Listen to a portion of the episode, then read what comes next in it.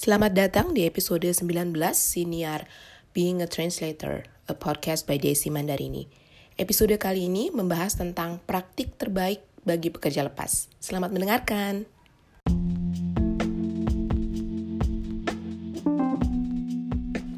Selamat datang di podcast Being a Translator. Nama saya Desi Mandarini, saya adalah penerjemah dan juru bahasa lepas untuk pasangan bahasa Inggris Indonesia. Saya memulai karier sebagai pengajar bahasa Inggris, kemudian tidak sengaja terjun ke dunia penerjemahan, dan akhirnya memutuskan memilih untuk menekuni profesi sebagai penerjemah dan juru bahasa lepas hingga saat ini.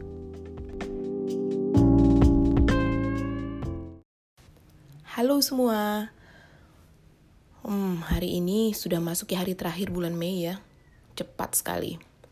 Selamat hari Jumat, selamat menikmati akhir pekan. Dan omong-omong beberapa hari lagi lebaran ya.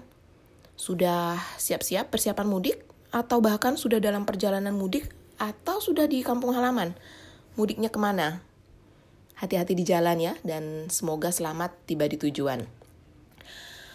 Baiklah kita langsung ke topik siniar kita kali ini. Kali ini saya akan membahas tentang praktik terbaik bagi pekerja lepas. Kamu pasti tahu, namanya juga pekerja lepas. Pekerja lepas itu semuanya serba tidak pasti. Mulai dari jumlah pekerjaan yang diterima, kemudian e, masukan, keuangan. Jadi, mau tidak mau semua harus diatur dengan strategi yang baik. Nah, apa saja sih praktik terbaik bagi pekerja lepas yang pantas untuk dilakukan untuk menjaga keseimbangan dan kelangsungan kerja di masa depan? Berdasarkan pengalaman saya, ada beberapa hal yang sudah saya pelajari, saya jalani, dan semua praktik terbaik berdasarkan pengalaman saya ini sudah saya buktikan ketepatannya, sudah saya buktikan keampuhannya. Kita mulai dari yang pertama, Pertama, praktik terbaik bagi pekerja lepas menurut saya adalah jadwal. Untuk pekerjaan sehari-hari, untuk kegiatan sehari-hari, usahakan kamu memiliki jadwal yang teratur dan pasti serta terarah. Kamu harus pastikan bahwa setiap hari itu bermanfaat bagi kamu dan pekerjaan kamu. Kalau mau mengatur waktu libur, silakan disesuaikan dengan keinginan dan volume kerja yang biasanya kamu terima. Yang penting adalah di sini kamu memiliki pola kerja yang pasti.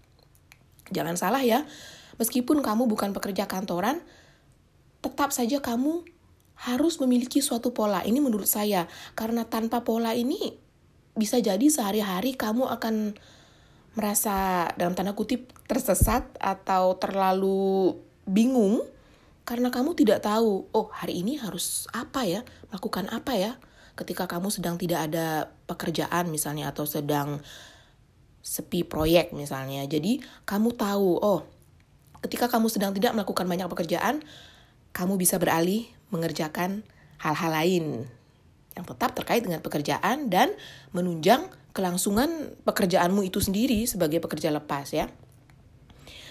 Itu pertama jadwal. Kemudian yang kedua, pastikan kamu memiliki workflow atau alur kerja yang pasti dengan arah yang pasti dan strategi yang tepat. Nah, workflow workflow pertama adalah marketing atau pemasaran diri. Pastikan kamu memiliki jadwal untuk memasarkan jasa kamu dan diri kamu sebagai pekerja lepas yang ahli di bidang A atau B. Pastikan alur kerja pemasaran kamu itu memiliki tujuan dan target yang jelas. Misalnya, kamu adalah penerjemah.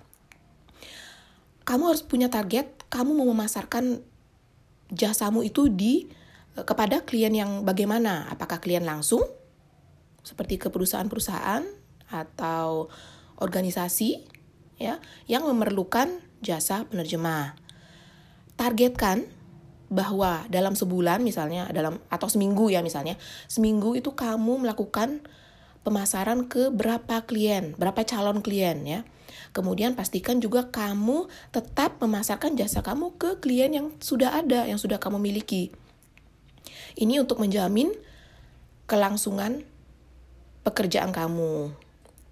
Nah, untuk marketing ini atau pemasaran ini ini wajib dilakukan Karena sekali lagi ya saya sudah sebutkan kamu adalah pekerja lepas. Jadi pastikan kamu tetap punya sumber pemasukan yang tetap yang bisa menjamin kondisi kamu, keuangan kamu ya, pemasukan kamu tetap lancar. Pastikan semua itu, semua hal yang kamu lakukan termasuk pemasaran atau marketing ini memiliki alur kerja yang pasti. Alur kerja ini sangat penting bagi kamu. Di semua hal, tidak hanya dalam bidang pemasaran saja. Itu yang kedua, kemudian yang ketiga, tugas-tugas administrasi atau admin. Kamu pasti tahu ya, kecuali kamu bekerja lepas yang memang sudah benar-benar sukses, kamu punya asisten ya, ada kok yang punya asisten untuk mengerjakan hal-hal kecil atau tugas-tugas admin ya. Kecuali kamu seperti itu ya, kamu ya seharusnya mengerjakan semua tugas admin sendiri. Membuat invoice, mengirim lamaran, mengirim portofolio ke calon klien, membalas surel, membalas penawaran pekerjaan, mengirim penawaran harga, semua harus kamu kerjakan sendiri. Jadi pastikan kamu memiliki waktu tersendiri di jadwal kamu untuk melakukan hal-hal semacam ini. Jangan sampai ini berentrok dengan saat kamu melakukan pekerjaan atau harus memenuhi tenggat pekerjaan tertentu ya. Jadi semua terjadwal dengan pasti dan jelas. Selanjutnya, pengembangan keterampilan profesi atau continuous professional development itu hukumnya wajib untuk kamu lakukan Mengapa? Supaya kamu tetap bisa bertahan di bidang profesi kamu. Buatlah target ya di jadwal kamu untuk berapa kali atau berapa lama kamu ingin melakukan e, kegiatan atau mengikuti kegiatan pengembangan keterampilan profesi. Selalu pantau perkembangan dan informasi dari organisasi profesi dan dari rekan-rekan sejawat di sekitar kamu. Ini untuk memastikan kamu tidak ketinggalan dengan tren terbaru di bidang pekerjaan kamu dan tetap mengasah keterampilan kamu, tetap memiliki keterampilan dan keahlian di bidang kamu agar tetap bisa bersaing. Itu yang pasti. Jadi, pengembangan keterampilan profesi itu hukumnya wajib. Harus selalu kamu lakukan. Terserah jadwalnya mau seberapa banyak, seberapa sering. Kalau saya, saya biasanya menargetkan dalam setahun saya harus mengikuti minimal dua kegiatan yang menunjang pengembangan keterampilan profesi saya. Itu pun tidak selalu dua saya lakukan. Biasanya saya selalu melebihi target yang saya tetapkan sendiri. Jadi terkadang dalam satu tahun saya bisa mengikuti 3 sampai 5 kegiatan untuk membantu pengembangan keterampilan profesi saya. Ini wajib ya. Selanjutnya, setelah pengembangan keterampilan profesi adalah memiliki sertifikasi dan spesialisasi. Nah, pastikan kamu memiliki jadwal juga untuk tetap memperbarui jika kamu sudah punya sertifikasi, tetap memperbarui sertifikasi yang kamu miliki. Kemudian, Sertifikasi ini memang diperlukan untuk meneguhkan posisi dan keahlian kamu di bidang pekerjaan kamu. Ini juga menambah nilai tambah, memberi kamu peluang untuk memperoleh lebih banyak proyek karena kamu memiliki sertifikasi yang memang membuktikan bahwa kamu selain memiliki pengalaman yang cukup lumayan, kamu juga memiliki pengakuan bahwa keterampilan kamu memang sesuai dengan yang dibutuhkan oleh klien. Dengan begitu, kamu bisa meyakinkan, oh, saya punya nilai tambah nih. Bagaimana saya memanfaatkan nilai tambah ini untuk menambah pekerjaan dan mempertahankan kelanggengan profesi saya begitu. Kemudian saya, tadi saya sebutkan spesialisasi. Spesialisasi ini juga penting dalam bidang penerjemahan, bidang lain. Ini tujuannya agar kamu menjadi lebih produktif dan efisien dalam bekerja. Misalnya, kamu adalah penerjemah bidang perbankan. Kalau kamu sudah begitu sering mengerjakan terjemahan untuk bidang perbankan, otomatis kamu sudah hafal semua istilah tentang perbankan.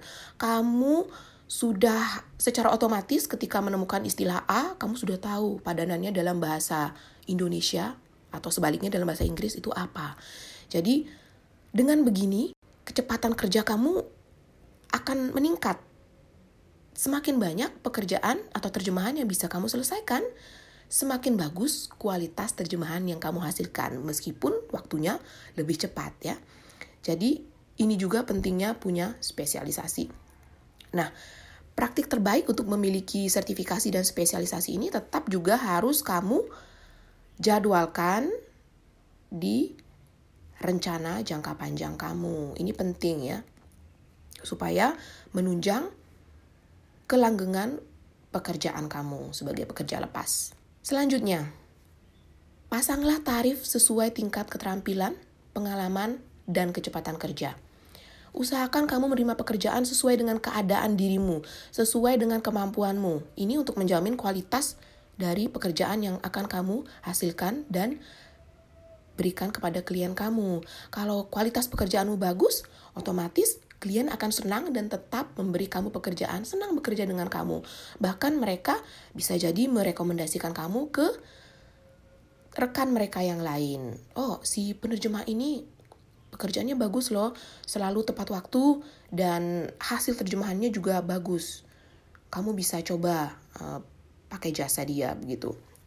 Nah, memasang tarif ini juga harus disesuaikan dengan kemampuan klien, dengan keadaan klien. Karena hanya karena kamu memiliki pengalaman selama 10 tahun misalnya, kamu langsung menembak klien begitu menerima permintaan untuk penawaran harga untuk satu proyek misalnya kamu langsung menembak klien dengan hm, tarif saya kamu memberikan tarif yang begitu mahal sehingga klien pada saat pertama langsung e, waduh mahal sekali ini ini sering terjadi ya. Jadi usahakan sebelum kamu menerima eh, sebelum kamu mengirimkan penawaran harga kepada klien untuk suatu proyek, pastikan kamu sudah mempertimbangkan berbagai hal yang saya sebutkan tadi. Keterampilan kamu, tingkat keterampilan kamu, pengalamanmu, kecepatan kerjamu, sertifikasi, dan apalagi yang menunjang kamu, serta jangan lupa juga dengan keadaan klien. Klien lokal dengan klien internasional pasti harganya ada perbedaan mungkin tidak terlalu jauh tapi pasti ada perbedaan. Ini disesuaikan juga ya, terutama juga dengan spesialisasi atau bidang untuk terjemahan yang akan kamu kerjakan. Selanjutnya, selain keahlian profesi atau keterampilan tadi, perhatikan juga praktik terbaik pekerja lepas itu adalah untuk selalu menjaga integritas dan mematuhi kode etik sesuai bidang kerjamu. Dalam hal ini, Percuma saja kalau kamu punya pengalaman segudang, punya keahlian yang mumpuni dalam bidang kerja kamu, jika kamu tidak memiliki integritas. Kamu sering tidak memenuhi tenggat waktu. Kamu tidak mengerjakan proyek sesuai dengan permintaan klien. Kamu suka menyabot proyek atau klien dari rekan sejawat yang lain. Ini benar-benar tidak bisa diterima. Jadi, sebagai salah satu praktik terbaik yang penting bagi pekerja lepas, pastikan kamu selalu menjaga integritasmu dan mematuhi kode etik sesuai bidang kerja kamu. Dalam berdasarkan pengalaman saya, saya belum pernah sih menemui rekan sejawat yang separah itu ya, yang melanggar kode etik atau tidak berintegritas. Sejauh ini semua rekan sejawat saya masih berada di jalur yang lurus, di jalur yang benar. Tapi jika nanti saya menemui rekan kerja yang tidak mematuhi kode etik atau tidak berin, tidak berintegritas, saya pasti akan menegur yang bersangkutan. Karena ini juga untuk kebaikan semua pekerja lepas lain di bidang saya. Nah, kita tiba di praktik terbaik yang terakhir, yaitu di bidang keuangan. Nah, ini penting sekali ya. Sebagai pekerja lepas, kamu tidak boleh lupa akan masa tua atau masa pensiun. Ya. Sekarang bisa kamu, oh banyak pemasukan, banyak klien, banyak terima proyek, sering ke sana kemari mengerjakan proyek dengan penghasilan yang luar biasa. Tapi ingat, selalu sisihkan penghasilanmu untuk beramal dan menabung untuk berjaga-jaga dalam keadaan darurat dan di hari tua. Pekerja lepas tidak punya jaminan pensiun loh. Itu semua adalah tanggung jawab kamu untuk memastikan bahwa kamu punya dana yang cukup untuk menjamin masa pensiun kamu. Dari pengalaman saya, saya selalu menyisihkan dari pemasukan saya itu sebesar 30%. Jadi 30% dari setiap pemasukan yang saya terima, saya sisihkan untuk investasi, untuk tabungan darurat, dan untuk tabungan lainnya. Jadi misalnya kamu menyisihkan 30%, berapa persen yang kamu sisihkan untuk tabungan darurat, kemudian untuk investasi, dan berapa kamu sisihkan untuk beramal. Jadi ini jangan dilupakan ya. Ini salah satu praktik terbaik yang harus kamu lakukan untuk menjamin kelangsungan hidup kamu sebagai pekerja lepas. Nah, dengan selalu memperhatikan dan mempraktikkan semua hal yang saya sebutkan tadi, saya yakin kamu akan bisa bertahan sebagai pekerja lepas dan selalu bisa menjaga kualitas kerja serta kualitas hidup yang kamu jalani. Setuju kan? Kalau kamu punya pendapat lain atau tambahan untuk praktik terbaik bagi pekerja lepas, jangan ragu untuk menyampaikan ke saya ya. Seperti biasa, kamu bisa mengirim surel ke saya di hello at desimandarini.com atau mengirim pesan ke akun Instagram, Facebook, atau Twitter saya. Saya juga berbagi lebih banyak tips tentang bekerja lepas, produktivitas, penerjemahan, dan penjuru bahasaan yang hanya saya lakukan melalui Nawala atau newsletter saya setiap awal minggu dan awal bulan. Kalau kamu tidak ingin ketinggalan tips eksklusif dari saya, daftarkan alamat surelmu untuk menerima nawala saya melalui surel. Tautan dari semua akun media sosial dan semua hal yang saya sebutkan tadi bisa kamu lihat di catatan episode ini di www.desimandarini.com garis miring blog atau di deskripsi episode siniar ini. Mau berdiskusi juga lebih lanjut tentang topik siniar kali ini? Silakan, kamu bisa menuju ke grup Facebook Bekerja Lepas Secara Produktif yang saya kelola untuk bergabung dengan para pekerja lepas lain dan membahas hal-hal seputar bekerja lepas. Tautan ke grup itu bisa kamu lihat juga di catatan episode ini dan deskripsi siniar ini. Sekian dulu episode kali ini ya. Kalau kamu punya teman yang mungkin memerlukan informasi semacam ini, beritahukan ke mereka tentang siniar saya. Kalau kamu menyimak di platform siniar seperti Spotify atau Apple Podcast, jangan lupa dibagikan dan diberi ulasan. Sampai jumpa minggu depan di episode berikutnya.